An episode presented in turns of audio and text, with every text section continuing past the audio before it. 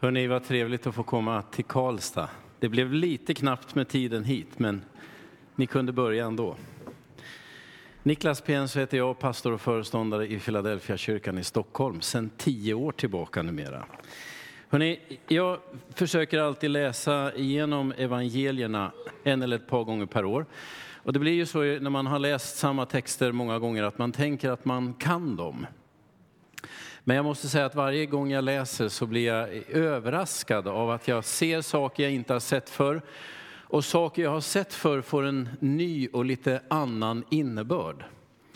Och det är ju värt att ändå reflektera över. Vi har fyra evangelier. Det är ganska unikt i världslitteraturen.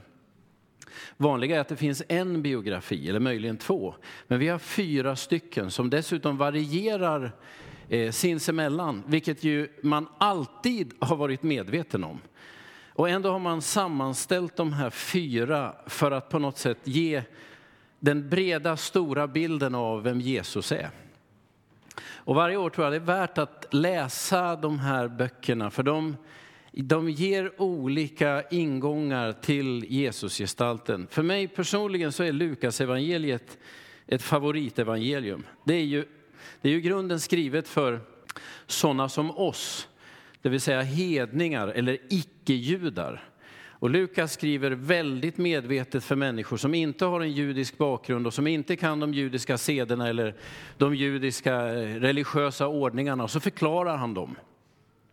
Och i Lukas finns det några liknelser och några berättelser som inte finns med i några av de andra evangelierna. Och mest bekant är nog Lukas 15.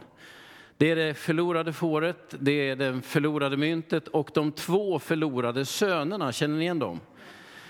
Den förlorade fåret dyker upp i Matteus, men de andra två finns bara hos Lukas. Och sen finns ju den barmhärtige samarien. Känner ni igen den också? Det är också bara Lukas. Och ibland tänker jag, hur hade, hur hade vår uppfattning om vad det betyder att följa Jesus Kristus. Hur, hur hade den uppfattningen sett ut utan de liknelserna? För de har nog präglat väldigt mycket genom hela kyrkans historia. Och Lukas, det som också kännetecknar Lukas det är ju att Jesus, han är hemma hos folk hela tiden. Det är som om han går på hembesök konstant. Han fikar och äter nästan som inget annat evangelium. Läs får ni se. Och om han inte blir hembjuden så bjuder han hem sig själv. Så det mesta av det Lukas berättar, det händer ju faktiskt hemma hos folk. Marta och Maria. Det är också det vi ska läsa nu, nämligen Sackeus eller Sackaios. Så följ med mig till Lukas 19 kapitel. Lukas kapitel 19. En berättelse som också är specifik för Lukas. Och jag läser vers 1 till vers 10. Jesus kom in i Jeriko och gick genom staden. Där fanns en man som hette Sackaios och han hade hand om tullen och han var rik. Han ville gärna se vem denne Jesus var men kunde inte för folkmassan för han var liten till växten. Han sprang i förväg och klättrade upp i en sykomor för att kunna se honom, eftersom han skulle gå förbi där. När Jesus kom dit såg han upp mot honom och sa, skynda dig ner Sakaios, idag ska jag gästa ditt hem. Sakaios skyndade sig ner och tog emot honom med glädje. Alla som såg det mumlade förargat. Han har tagit in hos en syndare. Men Sakaios ställde sig upp och sa till Herren, hälften av vad jag äger, Herre, ska jag ge åt de fattiga. Och har jag pressat ut pengar av någon ska jag betala igen det fyrdubbelt. Jesus sa till honom, idag har räddningen nått detta hus. Han är också en son till Abraham. Och Människosonen har kommit för att söka efter det som var förlorat och rädda det. Ursäkta att jag hostar, så kommer det vara nu. Det är förkylningstider och man kommer inte undan. Jag ska försöka hålla ihop det här. Själva avslutningen när Jesus, i det här mötet när Jesus är hemma hos Sackeus, själva den avslutningen säger att berättelsen om Sackeus har en sorts bildlig betydelse. Han säger, människosonen har kommit för att söka efter det som var förlorat och räddade. Det är som om Jesus i svaromål på de som är kritiska på hans ytterligare då ett av alla dessa hembesök, ändå säger att det som nu har hänt med den här mannen Sackeus, det är en modell för vad Människosonen, det vill säga Jesus, har kommit för att göra. Jag har kommit för att söka efter det som var förlorat och rädda det. Zacchaeus, berättelsen om Sackeus den ger oss några detaljer om den här personen. Sackeus är ju kort till växten, det kan man alltid fundera på. Vad, vad, har det för betydelse i hans liv? Förutom det att han ju inte kunde se utan var tvungen att klättra upp i träd. Han hade hand om tullen och han var rik. De, de ingredienserna får vi. Kort, tullindrivare och tät. Det är Sackeus. Och om vi struntar i längden till, tills vidare så kan vi ändå säga att tullindrivare, det var ett föraktligt yrke. Att vara tullindrivare var ju att gå i tjänst hos ockupationsmakten. Hela, hela landet var under romersk ockupation eller under romersk eh, juridiskussion. Och romarna använde ju alltid samma metod när man tog ett nytt land. Man lierade sig med invånare i landet och sen aktionerade man ut rätten att driva in skatt, rätten att ta tull. Och egentligen hade nog den romerska eh, eh, makten ganska lite intresse av hur mycket eller hur lite man tog. Bara den romerska makten fick in skatten och tullen. Och det var en ganska så lönsam eh, verksamhet. För som tullindrivare kunde du lägga på dina egna små avgifter. Och om någon invände mot det du gjorde så hade du hela den romerska makten på din sida och kunde trycka tillbaka. Men det du samtidigt gjorde var att sälja dig själv. Och det var så föraktade. I Nya Testamentet så brukar det finnas en sorts tandempar. Det är syndare och tullindrivare. Om du tänker att du har syndare i lite olika kategorier så kan du gräva dig ännu djupare. Då kommer du till botten. När du har nått verkligen, så du slår i, i botten, då hittar du tullindrivarna. De var hatade och föraktade. Ska man jämföra det här med någonting så är det ju en kvissling. Ni vet en man i Norge som sålde sig själv som, som nazisternas hantlangare. Fång, som plågade och fängslade sina egna landsmän har blivit någon sorts sinnebild för förräderi när det är som allra grövst. Sackeus är en sån. Han har sålt sin tillhörighet till Guds folk, sålt sin egen själ för lusten och längtan att tjäna pengar. Han har gått i tjänst hos ockupationsmakten. Och det, eh, riktigt när det där börjar i hans liv, det kan man inte veta. Det är ju det sista steget på en ganska lång resa på väg utför. Det är hem till honom som Jesus går. Och det är därför folk är så upprörda. Det är ju en sak om han pratar med honom vid trädet, men måste han nödvändigtvis gå hem till honom? För att följa med någon hem är ju att på något sätt bejaka den där personen. Han kliver ju in på fiendeterritorium, Jesus. Sätter sig med Sackeus. Och när Sackeus väl är hemma, ja men då kommer ju resten av patrasket, alla hans polare, och hänger runt Jesus. Det är ju gränslöst på något sätt. Det är ändå värt att tänka att det finns ganska många sådana här berättelser, som berättelsen om Sackeus i Nya Testamentet. Där Jesus chockar hela sin samtid genom de människor han drar nära sig. Det är värt att notera att det är så. Så nu har du, nu har du vem det här är. Sackeus han är en överlöpare, en förrädare, en opolitlig person. Han är rik och han är kort. Om man nu bara kliver in i, den här, i, den här, i, i sammanhanget lite tidigare, backa 16 verser till kapitel 18. Så läser jag från kapitel 18 och vers 18. Lyssna nu får ni höra. Här dyker en annan rik person upp. En uppsatt person frågade Jesus, gode mästare, vad ska jag göra för att vinna evigt liv? Jesus svarade, varför kallar du mig god? Ingen är god utom Gud. Du kan budorden. Du ska inte begå äktenskapsbrott. du ska inte dräpa, du ska inte stjäla, du ska inte vittna falskt, visa aktning för din far och din mor. Lyssna nu. Mannen sa, allt detta har jag hållit sen jag var ung. Då sa Jesus, ett återstår för dig. Sälj allt du äger och dela ut åt de fattiga. Då får du en skatt i himlen. Kom sen och följ mig. När han hörde detta blev han bedrövad, för han var mycket rik. Jesus såg att han var bedrövad och sa, hur svårt är det inte för dem som har pengar att komma in i Guds rike?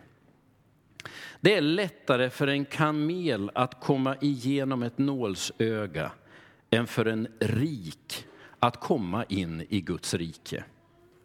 De som hörde detta frågade, vem kan då bli räddad? Han svarade, det som är omöjligt för människor är möjligt för Gud. Sen går det bara några verser och sen dyker Sackeus upp. Här har du två personer. En rik yngling, så kallas han i de andra evangelierna, eller en uppsatt person som har gott om pengar. Och så har du Sackeus som är tullindrivare och som också är rik. Och den första personen, den rike ynglingen, han kommer till Jesus med en enkel fråga. Vad ska jag göra för att få evigt liv? Och så säger Jesus, du kan budorden. Du ska inte begå äktenskapsbrott, du ska inte dräpa, du ska inte stjäla, du ska inte visa, vittna falskt, visa aktning för din far och din mor. Då säger den här mannen, det har jag hållit sedan jag var ung. Och när jag läser det här så tänker jag, och det här är ju ett sånt där A-barn. Ni vet, han har ställt in i diskmaskinen utan att föräldrarna har sagt till. Han har gått och lagt sig i tid varje kväll. Han har vikt in alla sina kläder i garderoben utan att någon har sagt till. Han har alltid gjort läxan utan att någon behöver trycka på. Han har aldrig sagt ett ont ord om någon annan människa sen han var ung. Har vi någon sån här inne? Jag tänker om man skulle rekrytera någon ny medarbetare, då är det ju en sån här person man vill ha. Fullständigt gedigen, en helgjuten människa, utan behov av att klättra genom att trampa på andra, trovärdig i allt han säger, inga lik i garderoben.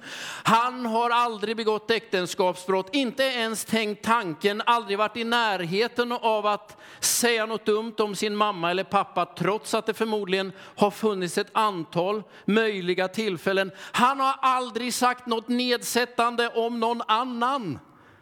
Och det verkar inte som om Jesus behöver säga nej, du ljuger, för Jesus vet att det är sant.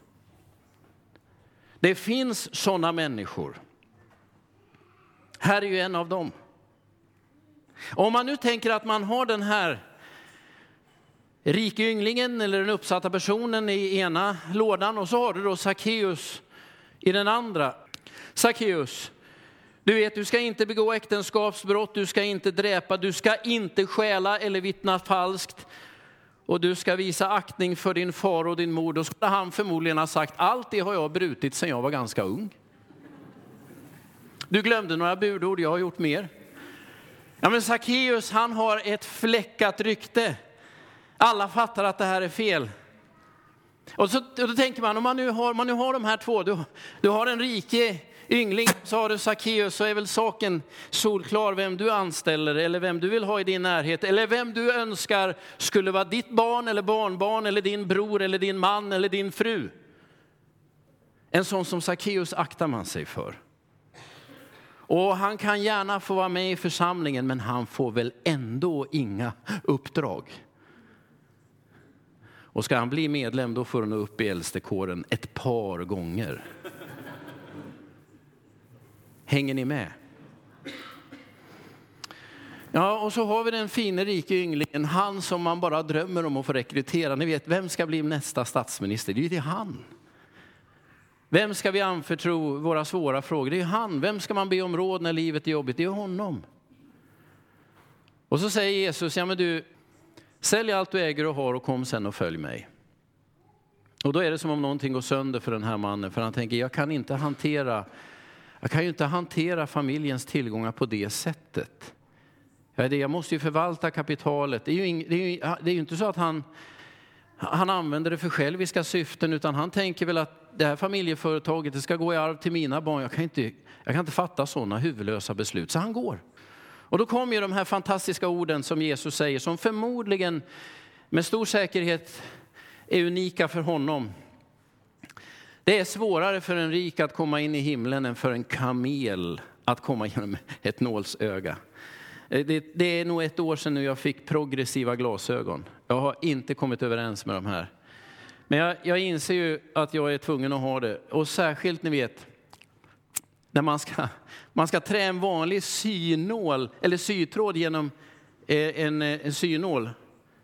en synål. Det är ju helt omöjligt. Och så tänker man nästa tanke då att man ska liksom, nummer ett, fånga en kamel. Och så i nästa steg, hur är man skruvad om man ens kommer på tanken att försöka trycka detta kreatur genom en nålsöga? Man måste ändå säga att Jesus har en förmåga att formulera sig. Man fattar poängen, eller hur? Nej, det går inte att trycka en kamel genom ett nålsöga. Bara, bara tanken på hur det skulle se ut är ju rätt komisk. Och, och det är inte, alltså signalen är väl jättetydlig. Han säger det är ungefär, det är lättare att du vet, ta det där kreaturet, försök du hålla på ett tag, få igenom honom i nålsögat. Det är lättare, säger han, än för en rik människa att komma in i himlen.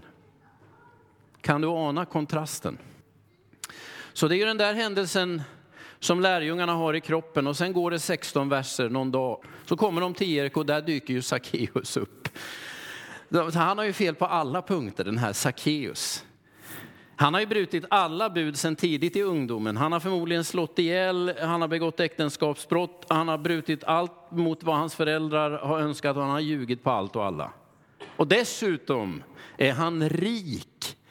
Alla larm som överhuvudtaget finns blinkar ju rött. Det lyser, här löser varje säkring ut. Jesus kan vi gå vidare. Det här är inte möjligt att göra något åt. Hänger ni med på den bilden? Och ändå inträffar ju någonting som man måste säga häpnadsväckande. Den där uppsatte eh, personen, rike ynglingen, han går bedrövad bort. Men Sackeus tar emot Jesus med glädje. Kontrasten är så tydlig den kan bli. Och det är som om hela berättelsen skriker med utropstecken överallt. Det omöjliga har nu hänt. Vad är skillnaden mellan de här två? Ja, men det är ju att den rike ynglingen kommer med sin självsäkerhet. Och så säger han, som han har sagt genom hela livet, vad ska jag, vad ska jag göra för att få evigt liv? Och det verkar som att alla frågor av den karaktären alltid leder till någon sorts konfrontation med Jesus. Hur ska jag fixa det här Jesus? Vad begär du av mig? Säg bara så ska jag ställa upp. Vad behöver du som bara jag kan ge för att jag ska? Sackeus han vet från början att eh, det är ingen idé ens att försöka med en sån fråga. Mitt skuldregister är fullastat. Han är ändå bara så genuint nyfiken på att få se Jesus, om än på håll. Och när Jesus stannar och tilltalar Sackeus så är den enda frågan, får jag följa med dig hem?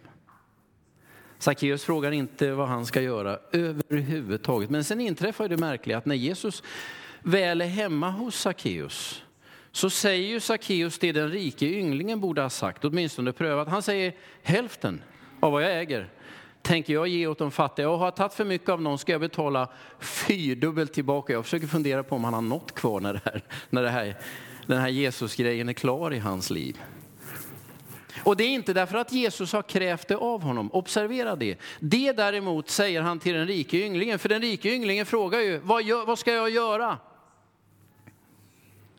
Och det är som om varje gång en människa kommer med den frågan, vad ska jag göra för att vinna evigt liv? Då är man, då är man på något sätt inte on speaking terms med Jesus.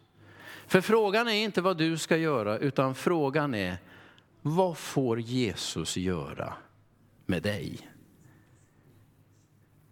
Och det han ber Sackeus om det är ju bara detta, får jag komma med dig hem? Och jag tänker direkt, om jag hade varit Sackeus, om jag nu hade levt det liv Sackeus har levt, så skulle jag ju tänkt mer än en gång, är det lämpligt att han kommer med hem just idag? Men vad gjorde Sackeus kvällen innan? Tänk om han hade en, ni vet, en nej det kanske ni inte vet. Han har liksom haft en riktig fyllefest. Och så tänker han, det är ju spyor i hörnet, det står alldeles för mycket tomflaskor överallt. Ehm, är det lämpligt att han kommer hem till mig? Och vad kommer han få se? Och sen dyker det upp en massa folk. Vad kommer Jesus att tänka om dem? De är ju som jag och ungefär eh, lika illa allihopa. Är ni med? Ska, man ta, ska jag släppa in Jesus i detta? Det är en jätteutmaning. Bara sådär. Och idag. Man kunde ju sagt, nej men hör av dig när du kommer tillbaka nästa gång får vi se. Men det är som att Sackeus bara responderar på det där eh, impulsivt och direkt. Absolut.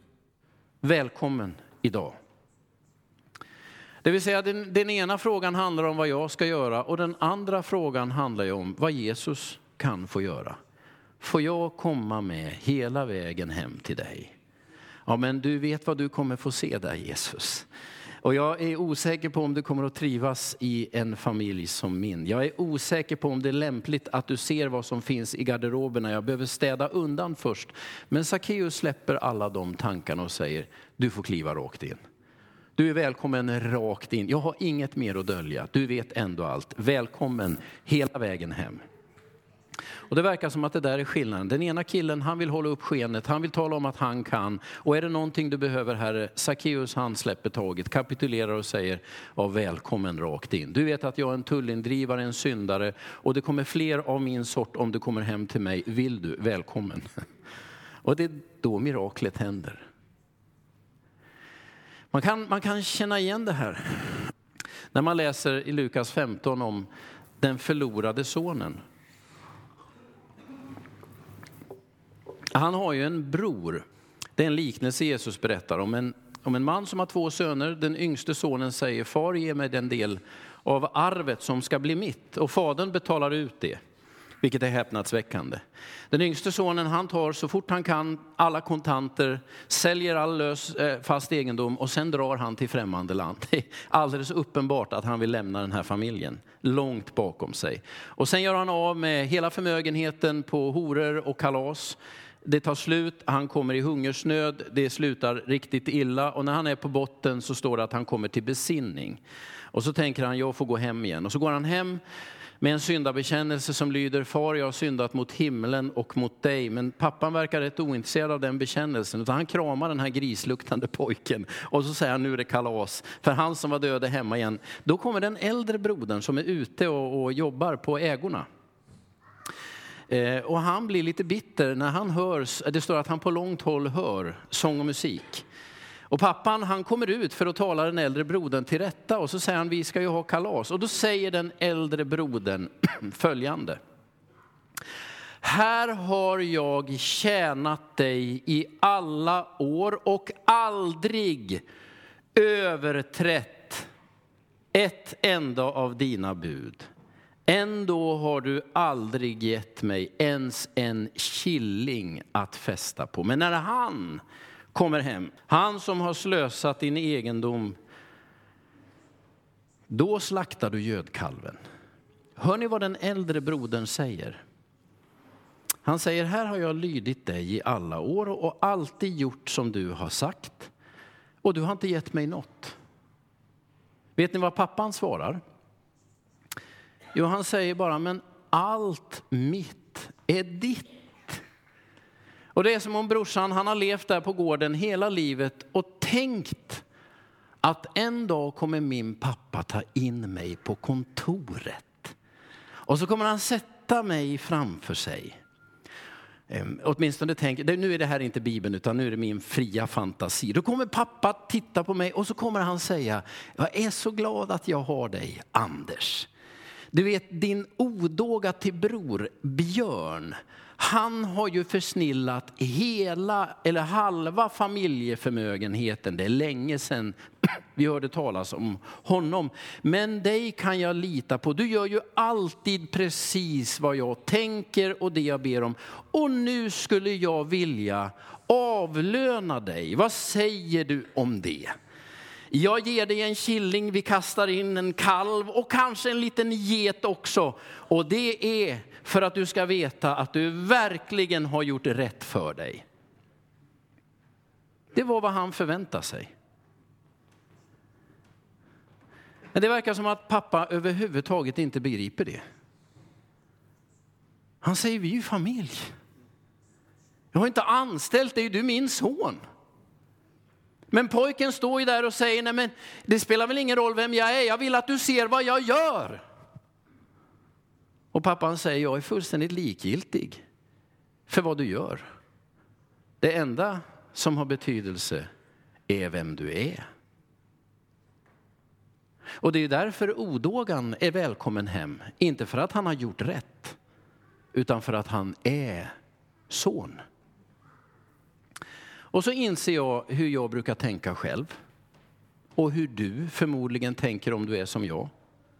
Det gäller ju att göra rätt för att få Guds välsignelse. Har du tänkt så någon gång? Eller vänd på det, om du gör fel, då förlorar du Guds välsignelse. Och vi har ganska många i vår miljö som gärna vill understödja den tanken, för det är ett bra sätt att få folk att sköta sig och skärpa sig. Frågan är ju bara om det är detta Jesus säger. Eller hur? Han tar ju inte in Sackeus för att han har gjort rätt. Han tar ju bara in honom därför att han får komma hem till honom. Jag vill bara be dig fundera över detta, för för mig är det här på något sätt själva kärnan i evangeliet. Om du vill ha en till bild kring just det här så, så har du ju framförallt hos Paulus två bilder av vårt förhållande till Gud. Det ena säger han är slaveriet och det andra kallar han för barnaskapet. Och så säger han i Romarbrevet till exempel åttonde kapitlet att Gud har ju inte gett oss en träldomens ande så att vi måste leva i fruktan. Han har gett oss en barnaskapets ande så att vi kan ropa Abba fader. Och när jag läser om träl eller slav, då tänker jag ju primärt på att man är ofri, men det är inte bara det det handlar om. En slav har bara ett värde utifrån det man kan göra. En son har sitt värde utifrån vem man är. Ibland trots det man gör. Slaven och slaveriet handlar om att så länge jag gör rätt så har jag min herres godkännande. Då har jag Guds välsignelse. Gör jag fel, då vilar jag under straff. Det är slavens tänkesätt. Sonen eller dottern vet ju att jag är son eller dotter vare sig jag lyckas eller misslyckas. För mitt värde sitter ju i vem jag är, inte i det jag gör. Det är precis det här Paulus skriver ett helt brev som heter Galaterbrevet om. Hur kan ni som har fått söners rätt åter låta någon lägga slavoket på er? Det vill säga att börja tro att det är genom egen förmåga, egna goda gärningar, egen förträfflighet som ni skulle kunna dra ner Guds välsignelse. Vad är detta för dårskap?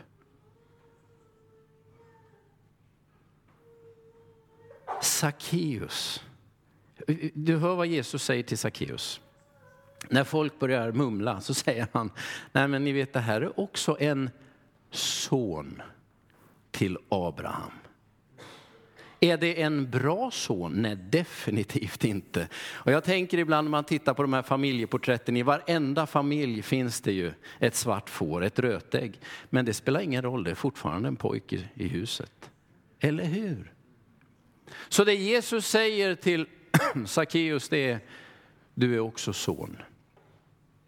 Det vill säga hela ditt värde har ingenting att göra med det du gör, utan med vem du är. Men den rike ynglingen tänker ju, mitt värde kan ju bara bestå i det jag gör. Så vad ska jag göra för att få evigt liv? Och då säger Jesus, om det är den vägen du vill gå, då är det nog enklare för dig att jaga kameler och försöka trycka dem genom ett nålsöga. Ja, men hur ska man då bli frälst? Ja, det enkla svaret är, låt Jesus komma med dig hem. Tänk inte att du ska städa upp allting själv. Tänk inte att du nu ska göra allting snyggt och prydligt innan han är välkommen. Så gör jag och min fru i alla fall. Mest min fru, hon är inte här och kan försvara sig. Ni vet, ska det komma hem folk till oss då vill man att det ska vara någon ordning. Är det, är det dammsuget någorlunda? Vi måste ju fräscha upp toaletten och så undan med disken innan de kommer. Är ni med på det? Och om man tänker, ska Jesus komma hem till mig, då vill det väl sannerligen till att pynta upp det hela lite bättre. Och så försöker vi. Sluta med det. Det är egentligen budskapet i den här berättelsen. Om du nu tänker, jag har förbrukat allt förtroende, jag har, jag har försnillat saker jag inte skulle gjort. Så tänker jag, Jesus säger, får jag komma hem till dig? Tänk då inte, ja vad ska jag göra? Utan säg bara, du är välkommen. Låt honom kliva rakt in och se vad som händer. Så mitt, mitt, mitt enk, min enkla lösning när människor kommer, det är inte att ge dem en tiopunktslista på att göra. Utan den absolut kraftfullaste medicin jag känner i detta universum är om människor låter Jesus komma med hela vägen ända hem. En av mina goda vänner, han jobbar, han jobbar i företagsvärlden. Och i sitt, i sitt arbete, nu ska jag se, nu ska jag försöka berätta det här så att jag inte lämnar ut någonting. Så kommer han och så möter han, han finns inte i Sverige, så möter han människor som finns ganska högt uppsatt i samhället där han bor. Och så har han sina barn på en skola, en ganska fin skola. Och i, i den skolstyrelsen är han ordförande. Ehm, och det är ju som det är i de här små klustren av eh, expats, ni vet de som lever i, i exil i något annat land och jobbar för några företag. Man vet rätt mycket om varandra. Och så vet ju eh, några av de andra i den där skolstyrelsen att han här, han är kristen. Och han har också varit med som pastor under en period. Och så visar det sig att en av föräldrarna vars barn går i den här skolan, han visste man har ett ganska vidlyftigt affärsliv där man bjuder på avsevärda mängder alkohol och köper in kvinnligt sällskap. Det är inte bra. Och så tänker man detta bör ordförande i skolnämnden känna till. Så de berättar det. Skvaller. Om den här mannen vars dotter går på skolan. Så går det några dagar, sen kommer den här mannen som man har skvallrat om. Och han vet också att ordförande i skolstyrelsen är en personlig kristen. Men han vet ju inte att min gode vän vet något om hans liv. Och så säger han bara, kan vi, kan vi pratas vid? Ja visst, säger min gode vän, det kan vi göra. Och så går de ut på ett café och sätter sig där och så säger den här mannen med det vidlyftiga affärslivet och de inköpta sällskapsdamerna. Jag mår inte bra. Jag mår inte bra i själen. Vad, vad, tro, vad ska jag göra? Och då sitter min gode vän där och tänker på allt han vet och allt han har hört om den förlorade sonen. Och så inser han, här skulle man kunna ge den här mannen en sorts eh, tiopunktslista, precis som till Sackeus. Nummer ett, du älskar ju pengar för mycket, det är osunt. Nummer två, du har helt fel sällskap, gör upp med det. Nummer tre, det här med att köpa ah, människor och sexuella tjänster, det, kan du, det, måste du, det måste du totalt sluta med. Nummer fyra, bekymra dig mer om andra människor. Ge typ hälften av det du äger till de fattiga. Det finns ju en sån att göra-lista. Om du tar den och så får du se, kanske du mår lite bättre sen. Varsågod och skölj. Och så inser min gode vän när han sitter där, det är ju inte riktigt det jag egentligen tror på. Och så tänker han för sig själv, det, den, det enda jag kan erbjuda denna människa, och det enda som i grunden skulle kunna förändra allt i hans hjärta är om han fick möta Jesus själv. Jag har ingen anledning att tala om hans moral, jag har ingen anledning att tala om hans kärlek till pengar, jag har ingen anledning att tala om hans affärsmetoder. Det finns bara en sak jag ska försöka ge den här mannen. Och jag måste tala om att i hans närhet står Jesus själv. Och kanske är det så att det är han som just nu talar in i ditt liv. Och kanske är det honom du behöver ta emot just nu. Och om Jesus kommer hem till honom så kommer Jesus att lösa resten. Hänger ni med? Det är ju detta vi kallar evangelium. Det andra kan man i bästa fall kalla för någon sorts folkfostran.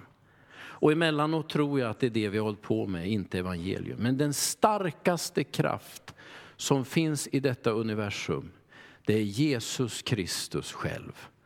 Om han får möta en människa och följa med hela vägen ända hem, oavsett hur det ser ut, så det är han och hans närvaro som kommer att genomföra alla förändringar.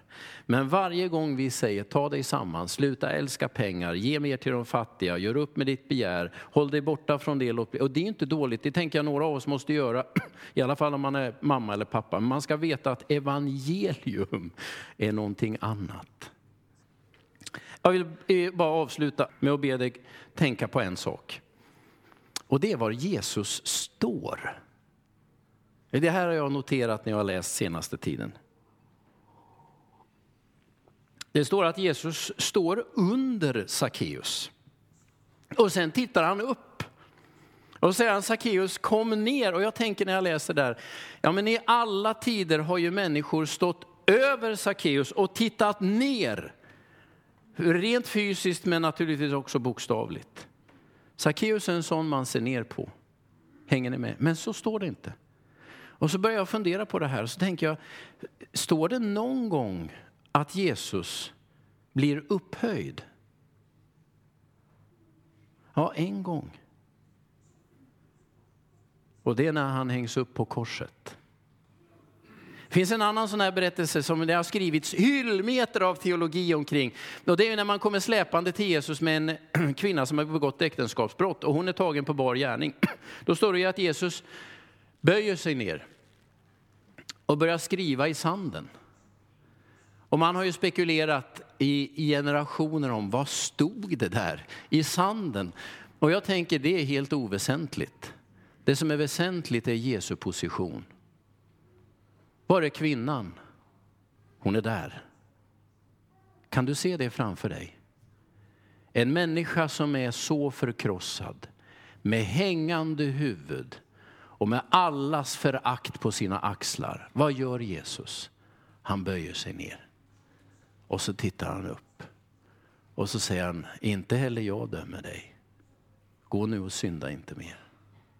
Kan du se det framför dig? Och sen ska han rida in i Jerusalem. Man tänker, nu blir det fest. Då tar han ju en, eh, ett åsneföl. Och det är ju inte högt. Det är ju som att sätta sig och åka ner. Hans fötter måste ju släpat i backen. Det är ju nästan lite småkomiskt. Vad betyder det? Det betyder ju att han aldrig kommer huvudet högre än någon annan. Se din konung kommer till dig, ödmjuk, ridande på en åsna och en åsninnas fåle. En, en enda gång i Nya Testamentet står det bokstavligen att Jesus blir upphöjd. En enda gång och det är när han blir korsfäst. Och då är det inte för att övertrumfa oss, det är inte för att se ner på oss, utan det är den gången han mer än någonsin annars bär våra synder. Det är evangelium. Vem du än är, hur ditt liv än ser ut, så kommer Jesus aldrig ovanifrån. En och annan av hans medarbetare har gjort det, och jag också. Men han har aldrig gjort det. Så frågan om du undrar vad ska du göra, det är bara att säga Jesus, du är välkommen hem till mig. Och när jag ibland tänker hur det ser ut hemma hos mig så tänker jag, men Jesus är i städbranschen. Han har, han har ett helt saneringsföretag. Så om du tänker det passar sig inte att himmelens och jordens skapare kommer hem till dig. Nummer ett, tror du att han inte vet hur det ser ut? Nummer två, låt honom städa. Nu ber vi. Jag vill tacka dig för berättelsen om Sackeus och för att det ju inte handlar om vad vi ska göra utan att du får komma med oss hem. Och jag ber dig att du ska hjälpa oss att hålla balansen i vår tro. Att inte bara uppmana människor att göra rätt, utan att våga tro att det är din närvaro som förändrar allt. Och utan din närvaro spelar egentligen inget särskilt stor roll. Du vet den som sitter här inne och tänker, det är rörigt i mitt liv nu. Och jag vet inte om det är lämpligt att Jesus är i sällskap med mig. Jag ber dig, Jesus Kristus, Guds son, vår frälsare. Ställ dig vid någon idag och säg, idag ska jag gå med dig hela vägen ända hem. Du ska aldrig mer gå ensam. Du är aldrig mer övergiven, han är alltid vid din sida. Tack Jesus för att du kan gå hem till en sån som Sackeus och för att vi får tro att du kan gå hem till oss. Amen.